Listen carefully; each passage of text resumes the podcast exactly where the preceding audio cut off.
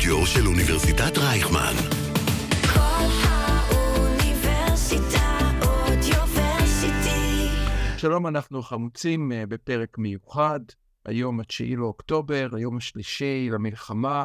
אנחנו משדרים מן הסתם דרך זום מהבית, מאחר והאולפנים באוניברסיטה סגורה. יש לנו לא מעט נושאים לדבר עליהם בהקשר למלחמה, עם תובנות הקשורות בפסיכולוגיה דווקא למצב הנוכחי. אנחנו מזהירים מראש, אה, אנחנו יודעים שהמאזינים וגם אנחנו נמצאים בחרדה ודאגה, ולכולנו יש בני משפחה שנמצאים במילואים, בסדיר או בחזית, ועל כן אנחנו היום עם קצת פחות הומור וקצת פחות הומור שחור מבדרך כלל. נשתדל להיות מתונים ומתנצלים מראש אם בדברינו קצת נחרוג ונצטרך לדבר על פוליטיקה, כי זה המנדט שלנו. החמוצים מתחילים מיד. החמוצים, המערכת הפוליטית על ספת הפסיכולוג, עם הפרופסור בועז בן דוד והפרופסור גלעד הירשברגר. שלום גלעד. שלום בועז ושלום למאזינות ולמאזינים. כן, אנחנו היום בפרק לא פשוט. כן, אני, אני רוצה להתחיל מדיסקליימר. רבים אוקיי. חושבים שבזמן שהתותחים רועמים, המוזות שותקות, ולא מדברים על פוליטיקה, וצריך להיות מאוחדים וכל מיני דברים מהסוג הזה. אה, אם את או אתה אה, מבין האנשים שמרגישים כך, זה הזמן לעבור אה, לערוץ אחר, לשמוע משהו אחר, כי אנחנו כאן עוסקים בפוליטיקה, נעסוק בפוליטיקה. אנחנו מאמינים שהמלחמה הזאת היא מאוד פוליטית ונובעת מסיבות פוליטיות, ואנחנו נדון בזה. ולכן מי שרגיש לדיון הפוליטי בזמן שהתותחים רועמים, זה אולי לא בשבילו.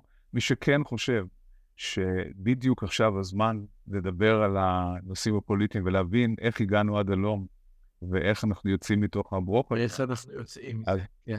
כן, אז, אה, אז אנחנו, אין לנו את כל התשובות, אבל אני חושב שהדיון צריך להתחיל, ואנחנו נשמח אה, אה, להעמיק בו כאן. אז אחרי disclaimer ראשון ו disclaimer שני, ואחרי שאני אוסיף לך disclaimer שלישי, שאני אני חושב שאם בדרך כלל אני צריך לעצור אותך אה, כשאתה מתחיל להשתולל, אני חושב שהפעם אתה תצטרך לעצור אותי, כי אני... אנחנו שנינו, אני חושב ששנינו מבטאים את הרגשות שקיימים בכלל הציבור, כולם כן, אה, עם בטן מלאה, אה, אה, בשוק, זועמים. אני חושב שדווקא היום, ביום השלישי, ביום הראשון היינו בשוק. היינו בש- בשוק, לא האמנו למה שקורה. לא קלטנו. את הממדים של האסון הנורא הזה, אבל היום, ביום השלישי, כבר מתחילים לכעוס. כבר מתחילים לשמוע את הסיפורים. אנחנו מדברים עם חיילים, אנחנו מדברים עם סטודנטים שלנו שהם חיילים, או סטודנטים שהיו במסיבת טבע, ואנחנו שומעים את הדברים, והכעס רק הולך וגואה. אה, אני ממש אה, מרגיש כמו שהרגישו אה, אנשים לפני 50 שנה במלחמת יום כיפור, שהבינו שקרה מחדל נורא, וגם אז היה זעם וגם אז הייתה אה, מחאה חברתית גדולה אחרי זה, אז אנחנו לא אומרים שכרגע צריכה להיות מחאה, כי אנחנו באמצע מלחמה, אבל אין ספק שמה שקרה כאן הוא משהו שהוא בלתי נסבל. אה, לא, לא, רוצ- בלתי סביר לחלוטין.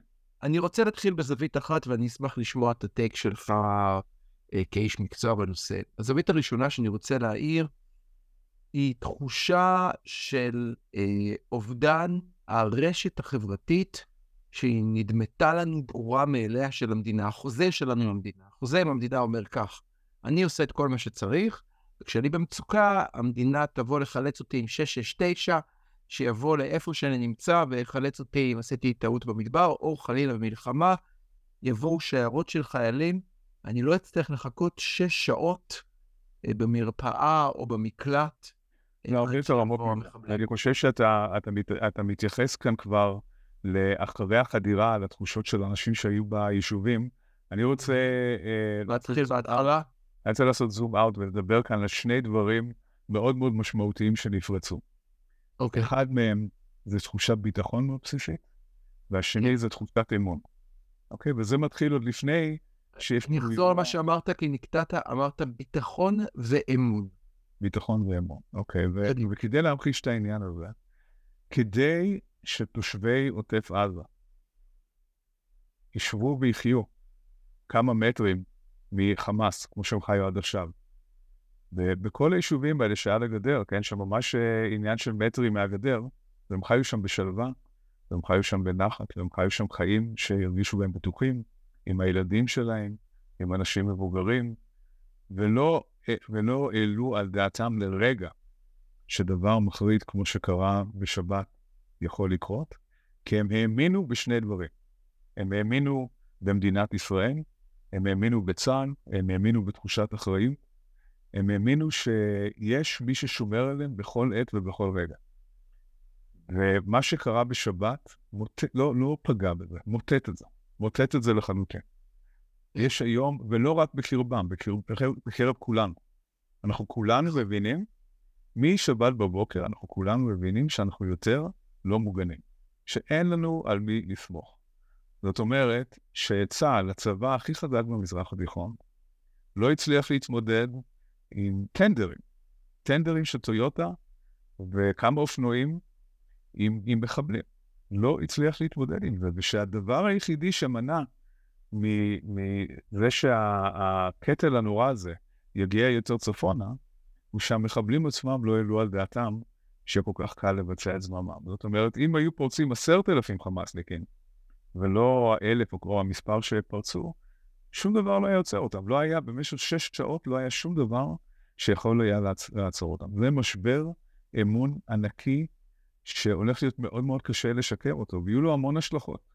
למשל, בוא נדבר, בוא בוא כבר היום- בנקודה הזאת, בוא תסביר את ה... כבר היום, שלנו. כבר היום, כבר היום, אה, יש כמה יישובים בעוטף שלמעשה לא קיימים יותר. רוב, תוש... רוב, תושביהם, רוב תושביהם או שנרצחו או שנלקחו בשטח. שנחטפו. או שנרצחו או שנחטפו. וה... והיישובים האלה, לא תהיה להם תקומה, אה, אולי בכלל, ובטח לא עד שלא נשקם את תחושת האמון והביטחון. אנשים לא יסכימו לחיות על הגדר הזאת, לחיות במקום הזה, אם יהיה אפילו, אין שום ספק בליבם שדבר כזה יכול לקרות שוב. אני אעצור אותך רגע, אני אהדהד אה, אה, חברנו שהוא גר אה, בעוטף עזה על הגדר. התכתבנו איתו בוואטסאפ, אה, והוא כתב לנו, חברים, מה שקורה עכשיו זה, בעודו נמצא כמובן במקלט ביתו עם ילדיו, מה שקורה עכשיו זו מלחמת שחרור. ולא הבנתי כשהוא כתב למה הוא מתכוון, מה כתוב? מתכוון זה- למלחמת שחרור. אני חושב שככל שאנחנו מקבלים. ודיווחים, לא רק שזה מלחמת שחרור, אני אגיד משהו קיצוני יותר. התמונות שראינו בעוטף עזה הן תמונות שהעם היהודי לא חווה מאז השואה. המראות שטובחים בבני אדם בצורה כזאת, ששובים נשים ותינוקות וילדים ולוקחים אותם אל הלא נודע, בלי שנדע איך, אם, אם אי פעם הם אה, ישובו. תמונות שבהם אה, טובחים במאות מאות של צעירים שהלכו למסיבה, אלה תמונות שלא ראינו מעולם מאז השואה, לא ראינו מעולם. זה, זה באבי יאר, אה, זה הדבר שעולה לראש כשחושבים על המסיבת יער הזאת. זאת אומרת, הטראומה הקולקטיבית היהודית, שתמיד נמצאת שם מתחת לפני השטח, התעוררה ביתר שאת אל מול המראות האלה, וזה משבר לאומי אמיתי. אנחנו, אני חוקר טראומה קולקטיבית, ומה שיש לנו כאן זה טראומה קולקטיבית שמתעוררת, שמה, שה, שיש לה כבר יסודות בהיסטוריה של העם היהודי, אנחנו כבר סוחבים איתנו את הזיכרון של טראומה קולקטיבית גם כך. אבל מה שקרה ביום שבת, מעורר את זה לא רק בגלל שזה קצת מזכיר, בגלל שזה ממש, האנשים שהיו שם בדרום חוו שואה.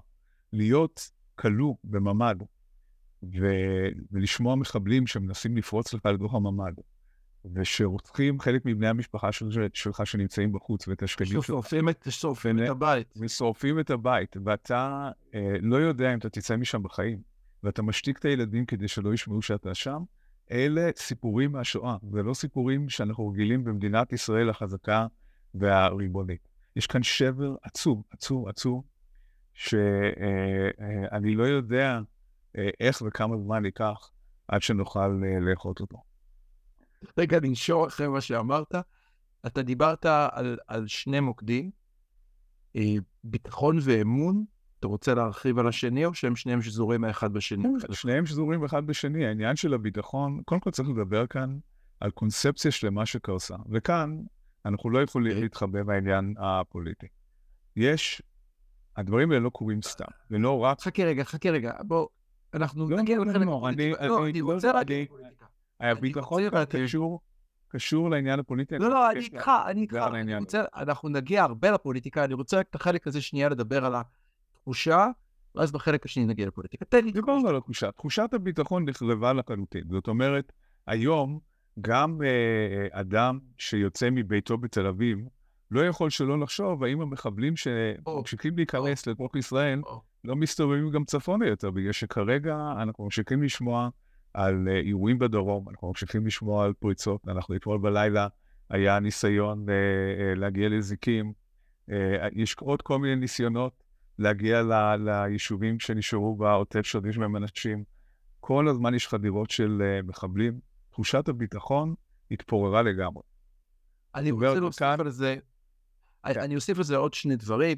אה, חלק מהמזלימונים בתקופת המחאה, וגם על זה נדבר, יש לי קבוצה של מטפלים שאנחנו משנעים אותם לסיוע, ועכשיו המרנו לתקופת המלחמה. עשינו זום עם מומחה לטראומה, לתת להם הכנה לאיך הם היום עוברים, גם בהתנדבות וגם בקליניקה, לטפל בטראומה. והם חלקו, היו כ-40 איש, והם חלקו חלק מהסיפורים. ומה שקורה, שמעניין אותי, זה לאו דווקא אותם אנשים שנמצאים עכשיו בחזית. הרבה אנשים שנמצאים ב... בעורף של העורף, כמו שאמרת, במרכז או בצפון, אה, חווים מחדש בדיוק את מה שתיארת. אם זה אנשים שחווים מחדש טראומות של אנטישמיות, של שואה, אני רוצה להתמקד דווקא ברמה. אני רוצה להתמקד ברמה הקולקטיבית ולא ברמה האישית. אוקיי, אנחנו לא קלינאים ואני אני לא עוסק בטראומה אישית, אבל טראומה קולקטיבית זה נושא שאני חוקר. וכשיש טראומה קולקטיבית, יש כמה אפשרויות להתמודד עם. אפשרות אחת זה להסתכל על מה שקורה בישראל, להסתכל על מה שקורה צפונה מאיתנו בגבול עם לבנון, ולהגיד, הלך עליהם. אנחנו לא יכולים, המדינה הזאת לא, לא מצליחה, אה, אנחנו באמת קורי עכביש, כמו שנסראללה אמר, אנחנו לא נצליח להתמודד עם זה. אה, זה הזמן אה, לחשוב על דרכון זר או על מקום אחר או משהו כזה. זאת אפשרות אחת. האפשרות השנייה, שאני מקווה שרובנו נבחר בה, היא אפשרות של אה, יצירה של זהות מחודשת. זאת אומרת, טראומה מנפצת משהו ישן. הייתה לנו איזושהי קונספציה ישנה לגבי מי אנחנו ומה אנחנו, והגיע הזמן לשנות את זה. הגיע הזמן לשנות. תחושה, אנחנו, אני, אני, אני רוצה רגע להמשיך את מה שאתה אומר. הייתה תחושה שאנחנו בסדר, שהם יכולים לראות מעזה ויכולים לראות מהצפון, אבל אנחנו בסך הכל בסדר, והצבא הכי חזק, ויש חומה, וחמאס הורתה ל-15 שנה, ויש חומה תת-קרקעית. זה הרבה יותר יש משאלות אסטרטגיות של חומה או לא. אבל, אבל עזוב, יש כאן שאלות, אני יש לא מבין. באסטרטגיה. אני מבין בבני אדם. אני ישבתי, אני... כאן שאלות של רבים, בהרגשה של הכל בסדר, אנחנו כל כך חזקים, שאפשר לעשות מה שבא לנו, כי אנחנו הכי הכי חזקים שיש. יש כאן שאלות, זה נשבר. אז זה עניין של תחושת ביטחון שכבר דיברנו. ואני מדבר כאן על משהו אחר, אני מדבר כאן על תחושת הזהות שלנו, של ההגדרה שלנו, של uh, מי אנחנו, של החשיבה שלנו, של איך אנחנו מתנהלים? במרחב. למה אתה מתכוון בזהות? Uh, אז אני אתן uh, דוגמה דווקא מהעבר. כשהעם היהודי חווה שואה באירופה, אחרי השואה באירופה, עמדו בפניו שתי ברירות, לחיות או לחדול. לחדול זה אומר להגיד, הנאצים ניצחו, אין יותר עם יהודי, אנחנו נתפזר לכל עבר ו- ונעלם, כן? השואה הצליחה. האפשרות השנייה הייתה לקחת את זה למקום של בנייה מחדש. ובאמת, אחד הדברים ששמעו אה, בארץ ישראל בשנות ה... בסוף שנות ה-40, תחילת שנות ה-50, כשהתחילו העולים להגיע לארץ, יש רבים מהם עברו העלייה לארץ והקמת מדינה, זאת ההתמודדות שלנו עם השואה. ככה אנחנו מתמודדים עם החורבן הזה. אנחנו היום מול החורבן שחווינו, שהוא לא שואה עדיין, כן? הוא לא ב... לא ב... לא, הוא לא שואה, זה לא בכלל. שואה. אנחנו באיום קיומי, שלא יהיה ספק.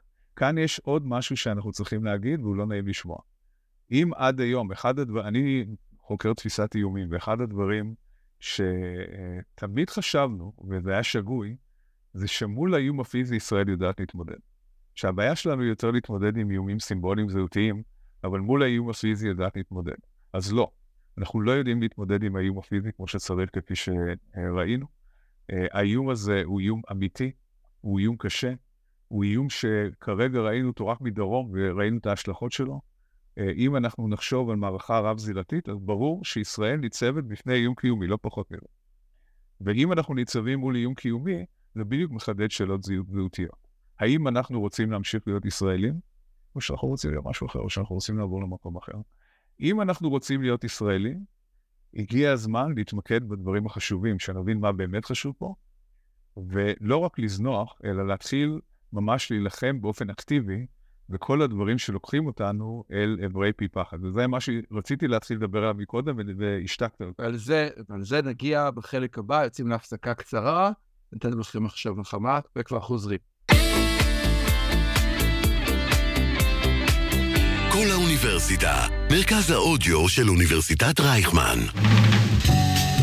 החמוצים, המערכת הפוליטית על ספת הפסיכולוג, עם הפרופסור בועז בן דוד והפרופסור גלעד הירשברגר.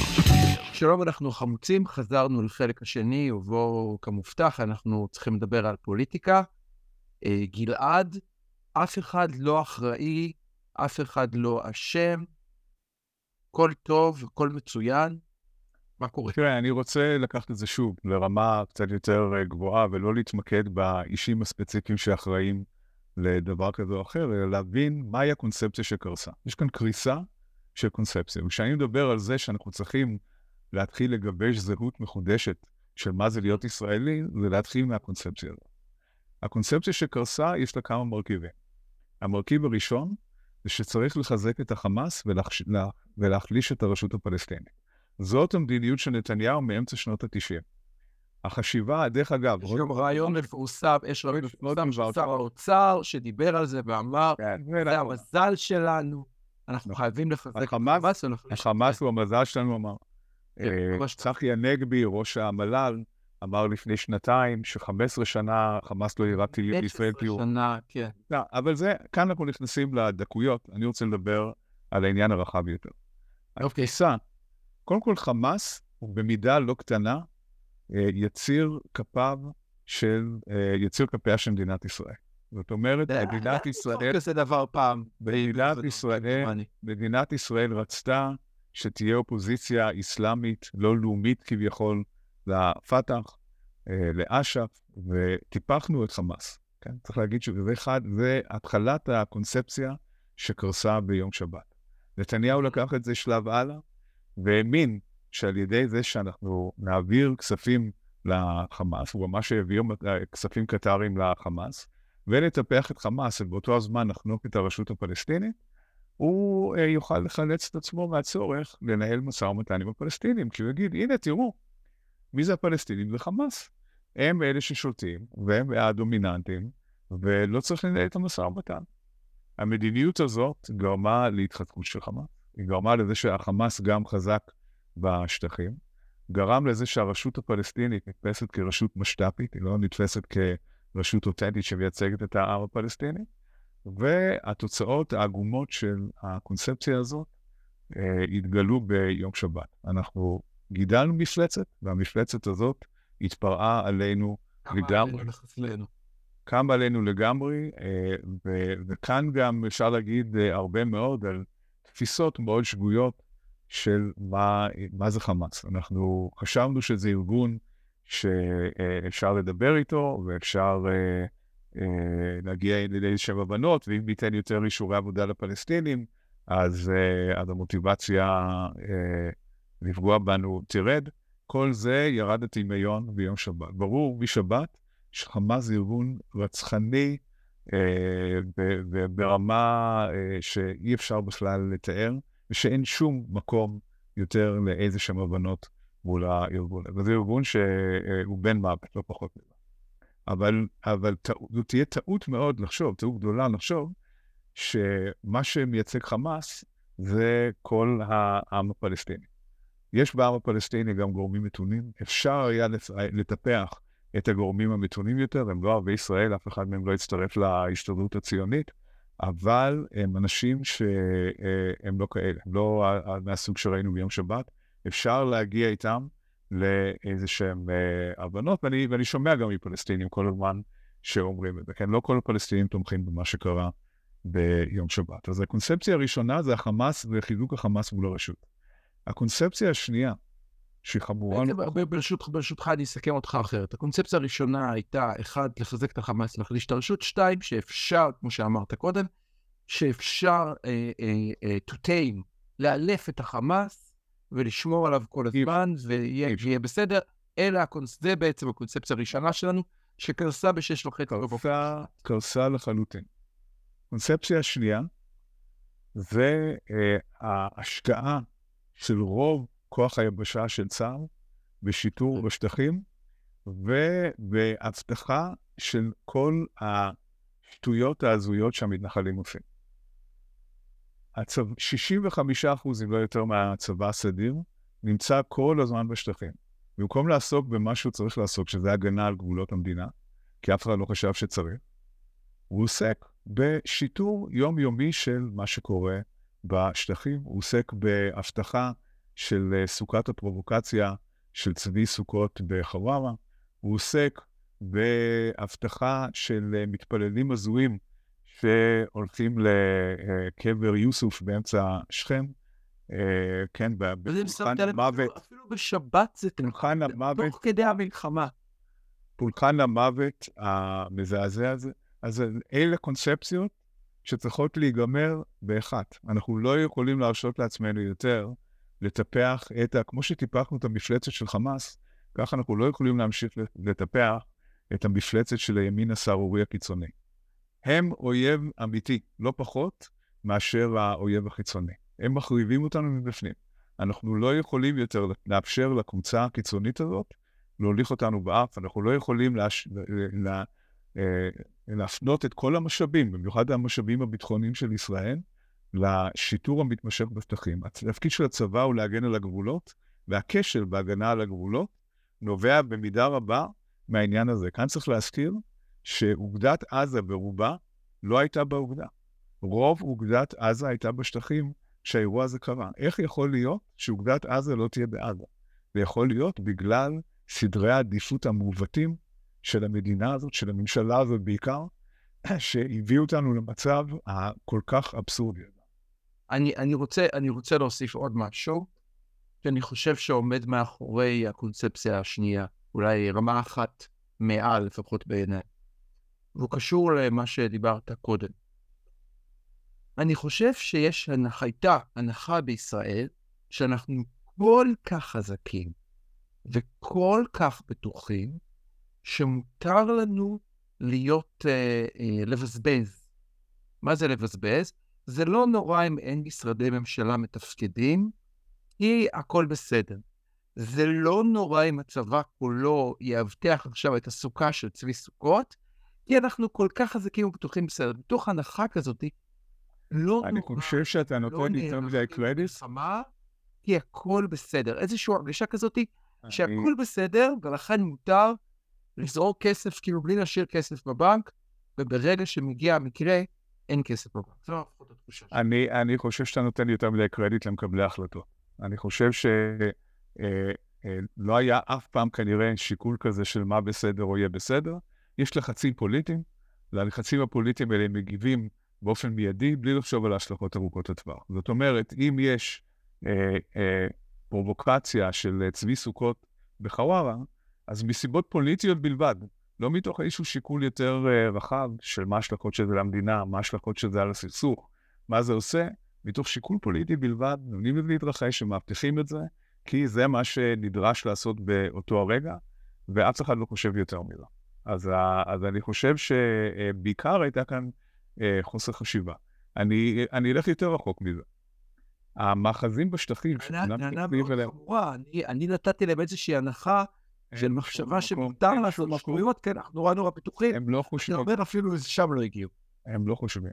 אה, אם ניקח את המאחזים בשטחים, ולאור מה שקרה בשבת בבוקר בדרום, תאר לעצמך מה יקרה אם תיפתח חזית צפונית, ותיפתח גם חזית מיהודה ושומרון, ופורעים פלסטינים יתחילו להיכנס לכל המאחזים. צריך לתאר יותר מדי זמן. האם ישראל מסוגלת להתמודד עם תרחיש כזה? לא, אה. היא לא מסוגלת להתרחש. עצם זה שאפשרה לכל מתנחל עם קרוון ועוקב מים לעלות על אה, איזושהי גבעה ולשים שם את המשפחה שלו, זה אה, מעשה חסר אחריות באופן אה, קיצוני שעלול לעלות בדמים. אנחנו, הם חושבים בזה במושגים של אה, גאולת ארץ ישראל, שגם היא לכשעצמה תביא עלינו חורבן בגלל הנושא של אה, סיפוח השטחים, אבל אפילו מבחינת היכולת לספק ביטחון בסיסי לאנשים האלה, זה ברור שאין. זה ברור שבמצב של מלחמה, הם יהיו לגמרי לנפשם, לא יהיה אף אחד שיוכל להגן עליהם, וכמה מנחלים, לא חשוב כמה הם חמושים אה, עם אה, קרוון אה, או שניים או שלושה, לא הצליחו להגן על הגבעה. זאת אומרת שמדינת ישראל מייצרת כאן אה, מצב שהוא מאוד נפיץ, שהוא מאוד מסוכן, בלי לקחת אחריות על מה שנעשה. אבל זה, זה הקונספציה השלישית. השנייה, יש שלישית. לא, אני רוצה לחזור על מה שאמרת. ברשותך, אתה אומר, רק רגע, נדמה לכם שאנחנו במצב קטסטרופלי. דמיינו לעצמכם שרק על 50 מהנקודות המבודדות יעלו פלסטינים, רק על 50 מהם, לא על כולם. מה, מה אנחנו עושים אז, כאשר הצבא צריך להילחם בעזה, ואולי חלילה, כמו שזה נראה עכשיו, חזית הצפון גם מתחממת אה, אה, עד כמה אפשר, כמה כבר חיילי מילואים, למרות שזה נדמה שלא נשאר עץ שלא גייסו למילואים, אבל אז כמה כאן, כבר אפשר. כאן בואו נדבר בדיוק על צבא המילואים ועל הקונספציה השלישית שקרסה. מהמם. אחד הדברים המחרידים, לא פחות ממחרידים, שאנחנו שומעים בימים האחרונים, זה שחיילי מילואים מגיעים ליחידות שלהם, ואין שם כלום. אין שם אפודים, אין שם ברכיות, אין שם ציוד בסיסי שזקוקים לו ללחימה, אין להם אה, מגבות, אין להם משחת שיניים, אין להם. הם, אלה, אין, עזוב אותך, עזוב אותך, העובדה שאנחנו עכשיו ב-11 וחצי, מ-10, השכנים שלי פה באחת, יש פה שתי מסעדות שפתחו, שכנים יושבים ועושים סנדוויצ'ים ואוכל לשלוח לחיילים. תן לנו לדבר גם על העניין. אוכל. יש לא, נקודת האור, נקודת לא, האור לא, זה דווקא העניין. אבל אני רוצה... בסדר, חלק השלישי יהיה אור, אנחנו די בחושך. איך זה יכול להיות שאין בכלל יכולת להכין? העובדה שמדינת ישראל, ממשלת ישראל, בשנה האחרונה, הזרימה מיליארדים, מיליארדים לחרדים, שהבטיחו לנו שהתפילות שלהם הם אה, איזושהי חומת מגן אה, רוחנית לעם ישראל. אה, הבטיחו ולא קיימו, כי מסתבר שתפילות לא עוזרות. אנחנו השקענו, במקום להשקיע באפודים, אנחנו השקענו באברכים, באברכים. במקום uh, להשקיע בטילים, אנחנו השקענו בתפילות. אנחנו השקענו את הכסף שלנו, ב... השקענו בתהילים במקום בטילים. ומסתבר שזו השקעה ממש uh, uh, ספקולטיבית ולא מוצלחת. ההשקעה המטורפת הזאת בחרדים, שבנוסף לכך יש את החוק החצוף, עזות המצח הזאת, של uh, חוק הגיוס, מה שקרה חוק בשבת, האי-גיוס, סליחה, חוק האי-גיוס. כן. מה שקרה בשבת מקריס לגמרי את העניין הזה גם כן. ברור לגמרי שלא ייתכן מצב שבו כל כך הרבה כספים מושקעים בדבר המטופש וחסר התוחלת הזה, כאשר אה, הצבא, צבא המילואים, שהוא הצבא העיקרי של ישראל, עומד בלי אה, הציוד הבסיסי שהוא צריך לפני כנראה המלחמה הקשה ביותר בתולדותינו. אה, אנחנו, ה- ה- העובדה שהגענו למצב הזה היא עצובה וקשה, אבל אולי, אולי, עם ישראל יבין בעקבות מה שקרה, שאנחנו חייבים, וכאן, על זה אני, מתק- על זה אני מדבר כשאני מדבר על שינוי זהות. אנחנו חייבים לשנות את התפיסה שלנו לגבי היחסים בין הקבוצות במדינה, לגבי לאן המדינה הזאת הולכת, ואנחנו חייבים להבין שאי אפשר ככה יותר. אי אפשר להתייחס לחרדים בצורה הזאת יותר. אי אפשר להחזיק אותם בבועה הזאת יותר. אי אפשר לשחרר אותם בגיוס. מסתבר שכן צריך חיילים, שיעמדו כולם על הגדר בעד. אני רוצה, אני רוצה רגע... מסתבר, מסתבר, מסתבר שהשקעת תקציבים בתפילות לא עוזרת, צריך להפסיק לעשות את זה. לא, אבל, אבל רגע, גלעד, אני רוצה לדבר על חיילים. בנושא הזה יש בו המון המון דיון לאחרונה, עם המון פתרונות יצירתיים, ועם הרבה הרבה הרבה תגובות ששמענו שאמרו לנו, אה, בסך הכל לא צריך עוד חיילים, והכול בסדר, גם אולי לא צריך כל כך הרבה מילואים, וזה נורא יקר, ומילואים גם אני האמנתי. חיים, חיים צבא- כסף, ואת- צבא קטן ו- וחכם. פנסיות, אה, פנסיות צבאיות, אבל אני חושב שזה נבע מתוך איזושהי מחשבה שלנו, שאנחנו כל כך חזקים בעליונות הטכנולוגית שלנו.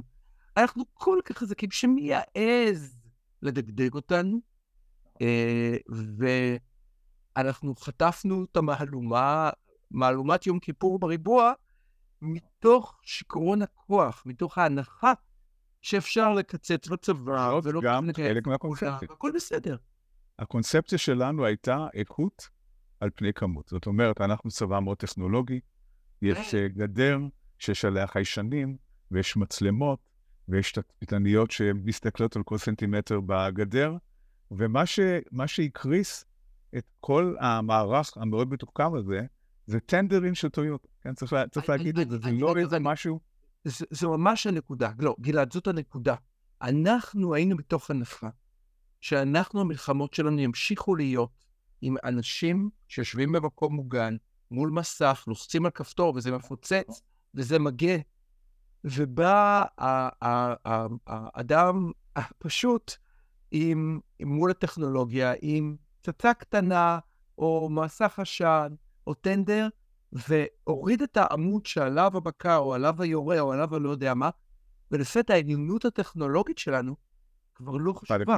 נכון. כי. אם המלחמה, של, של פנים מול פנים, זה לא עוזר לי כמות היכולת של 8200 הבאמת מדהימה לפתוח. טלפון ולראות מה קורה בתוכו. כי אני צריך חייל מול חייל שיילחם. לכן כמות, הכמות של החיילים היא חשובה, וה, והציוד הוא חשוב, ולדאוג שהצבא הזה יהיה מיומן ויעבור אימונים, ויהיה בכשירות, ויהיה לו את כל מה שהוא צריך, ויהיה לו גם כמות חיילים יותר גדולה משיש לו, מסתבר שזה חשוב, שזה אפילו אולי לא ברמה של צבא, אולי ברמה של אה, יחידות ששומרות על, ה, על היישובים. לא חשוב, אני לא uh, גנרל, אני לא יודע לתת את התשובות.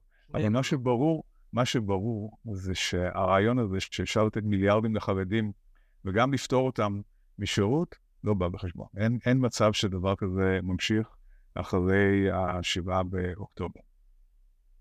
אבל כאן אני רוצה, אם, אם אפשר ברשותך, לפני שעוברים לחלק האחרון, בסדר? לא, אולי בחלק האחרון נדבר, אז אני רוצה לדבר על הצד ה- החיובי יותר של העניין. הצד החיובי- הצד החיובי זה החלק השלישי. אנחנו עוברים פה תמות, שים לב, אני עובד מסודר. עדיין אנחנו בתמה השנייה, אני רוצה בכל זאת לשאול אותך, למרות שאתה לא אוהב לרדת למיקרו, אני רוצה לדבר על המיקרו. אה, יש ממשלה בישראל. קיימת, נומינלית, על הנייר.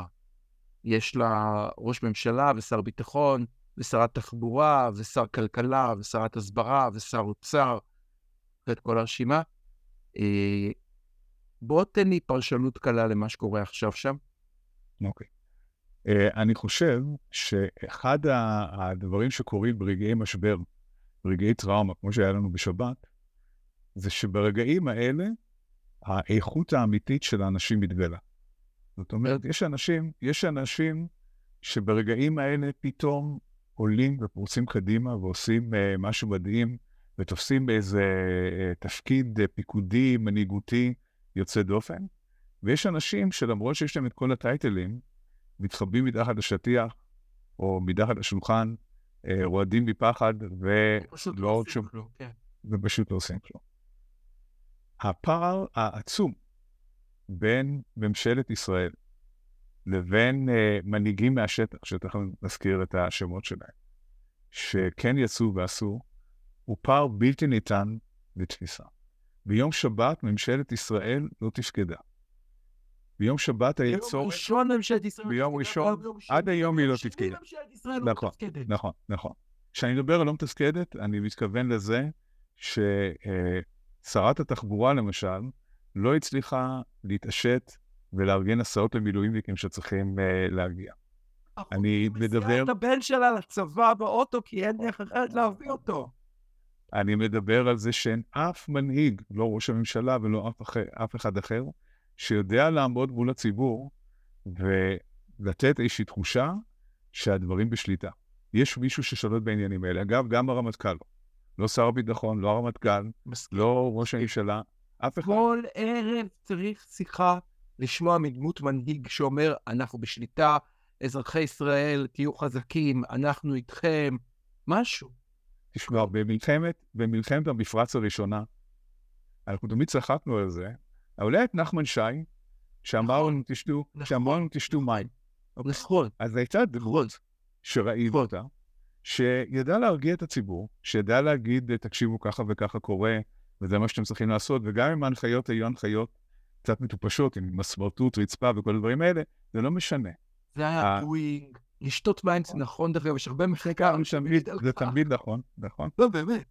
לא, אבל עצם, אנחנו מדברים כאן על... היה אבא ואימא שדאגו לנו ואמרו לנו, אנחנו בשליטה, תהיו רגועים. הרגשה עכשיו שאתה לבד לגמרי. מול, מול שר ביטחון קפוא, שמקריא אה, מהטלפרומפטר, אה, ו- ונראה לגמרי לא מאופס, מול אה, שר לביטחון פנים שאין בכלל מה לדבר עליו, ש-30 שוטרים שלו זה נרצחו, סרטון טיק טוק. זה סרטון שלושים? טיק טוק עם בדיחות. 30 אוי. שוטרים שלו נרצחו, והוא לא מסוגל להתמודד עם האירוע הזה בכלל. מול אה, ממשלה, מול, מול רמטכ"ל גם, כן? שגם הוא לא מסוגל אה, לצאת לציבור ולדבר. ש... מול דובר צה"ל, שאומר דברים שכל הציבור שנמצא ברשתות החברתיות יודע שזה שטויות, שזה לא מעודכן, שזה לא רלוונטי. מול כל זה, קמו כמה אנשים באופן ספונטני, שאני רוצה לציין שלושה שהם בעיניי גיבורי ישראל שצריך uh, לשאת אותם על כפיים. יש קודם כל את האלוף יאיר גולן, יש את האלוף ישראל זיו, כן, יש את האלוף נועם טיבון, שלושה אלופים נכון. רימים, נכון. שלא חיכו ולא לשמוע מה קורה, כן. עלו על מדים, רצו לדרום, תפסו נשקים באופן מאולתר, שהם היו חיילים שראו בדרך והכניסו לאוטו. חיילים שהיו, ובלי להסס פעמיים, נכנסו לתוך היישובים, חתרו למגע עם מחבלים, הרגו מחבלים, שחררו חטופים, זה פשוט חומר לסרט של אה, ברוס וויליס, ברוס וויליס כבר לא עושה סרטים, אבל סרט מהסוג הזה, אה, והם הגיבורים האמיתיים. ולזה אני מתכוון שאני אומר שברגעי ברגעי משבר, האיכות האמיתית של האנשים מתגלה.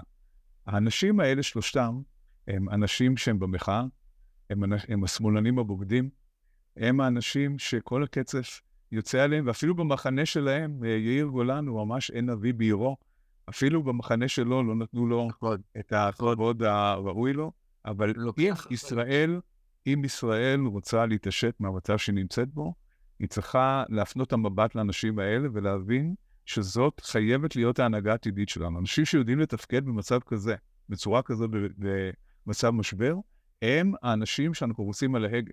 הם האנשים שאנחנו יכולים לדעת שיהיו אחראים ושידעו להגיב מהר ושידעו לעשות את הדבר הנכון. אנחנו בחלק הבא נדבר על עוד אנשים שהתגלו בתקופה האחרונה, וגם הם מגיעים מהמחאה, והם לאו דווקא אנשי צבא שהבינו שצריך להתארגן ולהשתמש במערכת, דוגמת דן אגת ועוד הרבה הרבה אנשים אחרים שהתגייסו, ועכשיו בעצם 24/7 עושים מה שהמדינה לא עושה, אבל אני מסכם את החלק הזה, אני חושב שהקונספציה הכללית שקרסה לנו כל הזמן היא ההנחה שיש מנהיגים ויש צבא ויש מדינה ויש מי שידאג לנו. ומה שהתברר בימים האחרונים זה שמי שדואג לנו זה אנשים נפלאים במדינה. רוח זה ישראלית לא רק, זה מדהים, לא מה? דואג לנו, זה אבל. לא, אבל לא המדינה. לא המדינה.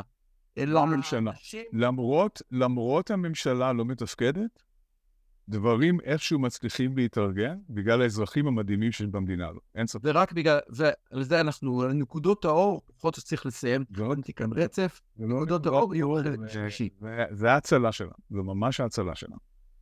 בחלק השלישי, שערו עמנו אל תלכו. כל האוניברסיטה, מרכז האודיו של אוניברסיטת רייכמן. החמוצים, המערכת הפוליטית על ספת הפסיכולוג, עם הפרופסור בועז בן דוד והפרופסור גלעד הירשברגר. אז שלום לכם, תודה רבה שחזרתם אלינו. אנחנו החמוצים, כמובטח בחלק השלישי, אנחנו נותנים uh, תקווה ואופטימיות, כי אנחנו מאמינים בזה. אז אנחנו רוצים לדבר על הנקודות האור, וכמו שאמר גלעד, על ההצלה של מדינת ישראל, והם האזרחים, האנשים, המילואימניקים, גורמי המחאה שהתגייסו והקימו. אני אתחיל אולי בסיפור קצר מהצד שלי. אה, משבת בבוקר פונים אליי כל אנשי המחאה שאני עובד איתם, אנחנו צריכים את הפסיכולוגים שלך לפה, לשם, לזה, תשנע אותם טלפונים, ומהצד אני מסתכל ורואה איזה מערך אדיר הקימו ביום ארגוני המחאה שכבר קיימים מערכים, ולקחו את כל המערך שלהם כמו שהוא, להסיט אותו, להעביר ציוד, להעביר מזון, לעזור לאתר נעדרים, לא יאומן שזה תפקיד שלנו ולא של המדינה, אה, ולעזור להביא אה, אה, תמיכה נפשית וטיפול פסיכולוגי לאנשים שעברו חוויות באמת שלא יאמנו עכשיו. שוב, לא יאומן שמי שמארגן את זה זה אנחנו ולא המדינה שלי. גלעד, בוא נדבר על האור. כן, אז כאן אנחנו צריכים uh, באמת לשאול שאלה, איך זה יכול להיות שמי שנרתם בצורה המהירה ביותר, היעילה ביותר, uh, עם, עם התגייסות uh, מלאה לעשות את זה, זה אותם, uh, אותם ארגוני שמאלנים בוגדים, אחים לנשק, כל ארגוני הנשים, כל הארגונים השונים שמובילים את המחאה, יש שם התגייסות של 100% והתארגנות מאוד אפקטיבית, החל מארגון של ציוד, התרמת כספים, לקנות ציוד לחיילים, הסעות, חיפוש נעדרים, אה, תקשורת בין אה, הגורמים השונים, כל מה שצריך, הארגונים האלה עושים, ועושים מיד, באופן אה, הכי אפקטיבי שיכול להיות. באופן שמדינת ישראל... לא בשבת בצהריים כבר היו לי טלפונים מיד איך אפשר לעבוד, ואנחנו בסך הכל התמיכה הפסיכולוגית, אתה לא, הדברים האחרים, כבר בשבת בצהריים, כשאני עוד הייתי בשוק, לא הבנתי מה פונים אליי. החבר'ה התחילו להתארגן ולעבוד ולנסוע לדרום. אתה רואה משהו מקביל לזה באיזשהו ארגון אחר? האם uh, באם תרצו uh, אנחנו רואים משהו דומה? האם uh, רגבים עושים משהו דומה? איפה קהלת? אתם אמורים לעשות האם הסברה. קהלת, נכון? האם אתם קהלת, מומחים בהסברה. איפה הסברה בעולם? האם קהלת... למה את ההסברה בעולם עושים? אתה יודע, סטודנט. שלי מתאר לעצמי איך הוא מתראיין בחו"ל, כי הוא, הוא לא משנה, הוא משהו בחו"ל. הוא מתראיין בחו"ל, איפה קהלת ורגבים? כאן, בעולם ההפוך שאנחנו חיים בו, כן? אנחנו, אנחנו חיים ממש בעולם הפוך במדינת ישראל. הפטריוטים הגדולים ביותר, שהם באמת הולכים והם מתגייסים והם נלחמים, הם מוקעים כשמאלנים אה, בוגדים, ואלו שמתחזים להיות uh, פטריוטים, ברגע האמת, קולם נדם לחלוטין, לא שומעים אותם, לא רואים אותם. שר... בעוד שרי הממשלה מתחבאים מתחת לשולחן, ויש קריקטורה נהדרת של בידרמן הבוקר, שרואים את שולחן הממשלה וכל השרים מתחבאים uh, מתחתיו.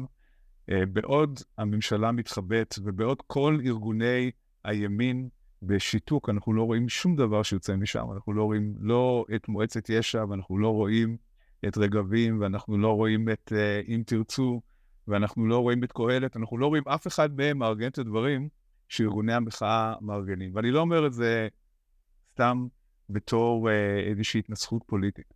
אני אומר את זה בשביל להאיר את העיניים ולהבין שיש כאן קונספציה שגויה גם לגבי הקבוצות במדינה הזאת. זאת הקונספציה הרביעית. האנשים שהם באמת, באמת פטריוטים, והם באמת מגויסים, והם באמת אוהבים את המדינה הזאת, הם בדיוק אלה שצועקים עליהם שמאלנים בוגדים. וברגע האמת, הם מתגלים. ברגע האמת, אם צריך אה, לחפות על כל המחדלים של המדינה והממשלה הזאת, הם יהיו אלה שיעשו את זה. אם צריך לצאת מהבית ולהשקיע את כל המשאבים, הם יעשו את זה. הם, אה, קראו להם פריבילגים, אבל הפריבילגים פריבילג, פריבילגים האלה הם אלה שישבו על הגדר בעזה, והמשפחות שלהם נטבחו ונלקחו בשבי. והפריבילגים הם גם אלה שמגויסים לצבא, והפריבילגים הם גם אלה שעכשיו נרתמים ועושים כל מה שאפשר בשביל לסייע לדרום ולסייע לצה"ל. אז הגיע הזמן לשנות את הדיסקט. אתה, אתה גורר אותי, אבל אני, אני לא יכול להתאפק, ותעצור אותי אם אני מתלהם לך. אה, אני רוצה לדבר על הספין שהתחיל לצאת, הספין הדוחה שהתחיל לצאת ביום ראשון, ואני מקווה שנעלם, על הבוגדים. אתה יודע מה אני מדבר? כן, כן. אני רוצה, אני, אני רוצה לדבר עליו קצת. למי שלמזלו, אני מקנא בו, פספס, אז אכן מיום ראשון בבוקר היה איך זה יכול לקרות, איך קרה, אנחנו נסביר לכם איך זה קרה. זה הבוגדים, היו אנשים בתוך הצבא שבגדו בנו ומכרו אותנו לאויב, ומי הם האנשים האלה? זה השמאלנים שרצו לפגוע בביבי ולכן עשו את זה. אז אני רוצה להגיד כמה דברים. אה, לדעתי, וזו המומחיות שלך, אני אפילו מוכן לתת הנחה מסוימת לאנשים שאמרו את זה מכך שהם ראו משהו שהם לא מסוגלים להתמודד עם הדיסוננס הקוגניטיבי הזה, מה שהם חשבו למה שהם רואים, איך זה יכול להיות, אם אנחנו הכי חזקים ביקום, איך זה יכול להיות שקרה משהו, לנו משהו? אז הפתרון הכי פשוט לזה, זה לחפש בגידה בפנים, ולא להכיר בכך שיש משהו אחר שאולי גם כולל אשמה. לי יש הסבר אה, שהוא... מדהים אה, יותר? קצת, אולי קצת אלים יותר. אני, אני חושב שאם אתה רואה ציוץ כזה מבן אדם אחד או שניים, אז מה שאמרת לא לא לא, לא, לא. אבל מכיוון שיש כאן. משהו, יש כאן משהו מתוזמן, יש כן. כאן משהו שהוא רחב היקף, מה שקורה כאן בעיניי זה שנתניהו מבין שהאירועים של יום שבת הם חבל התלייה הפוליטי שלו.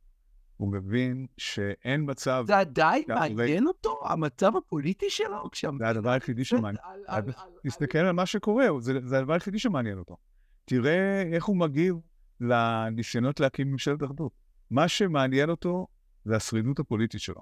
ומכיוון שהשרידות הפוליטית שלו היא הדבר היחידי שמעניין אותו, הוא כרגע מפיץ רעל בשביל לנסות לה, להציל את עצמו. הוא מבין שאין מצב שדבר כזה קורה ושאין אחריות של ראש הממשלה.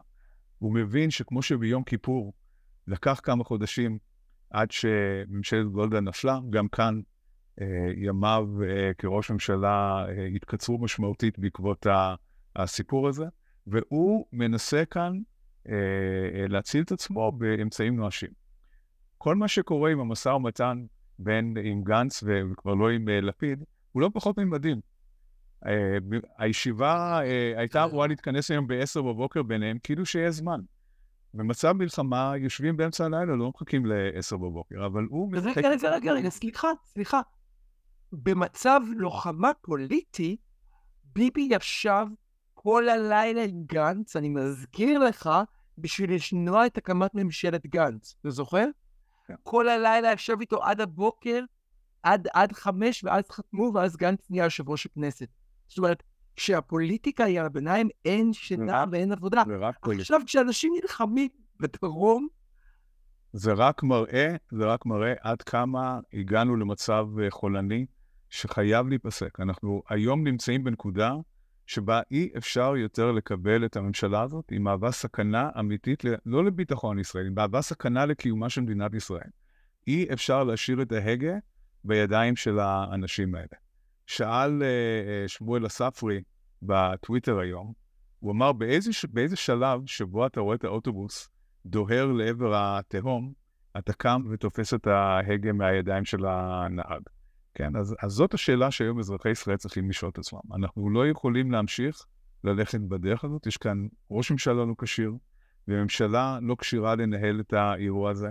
במקרה הטוב, ממשלת אחדות מקצועית תוכל אה, לנהל את הדבר הזה, אבל אה, כמו שאנחנו רואים, הוא ממשיך להפיץ רעל, הוא עושה הכל בשביל להציל את עצמו ולא את מדינת ישראל.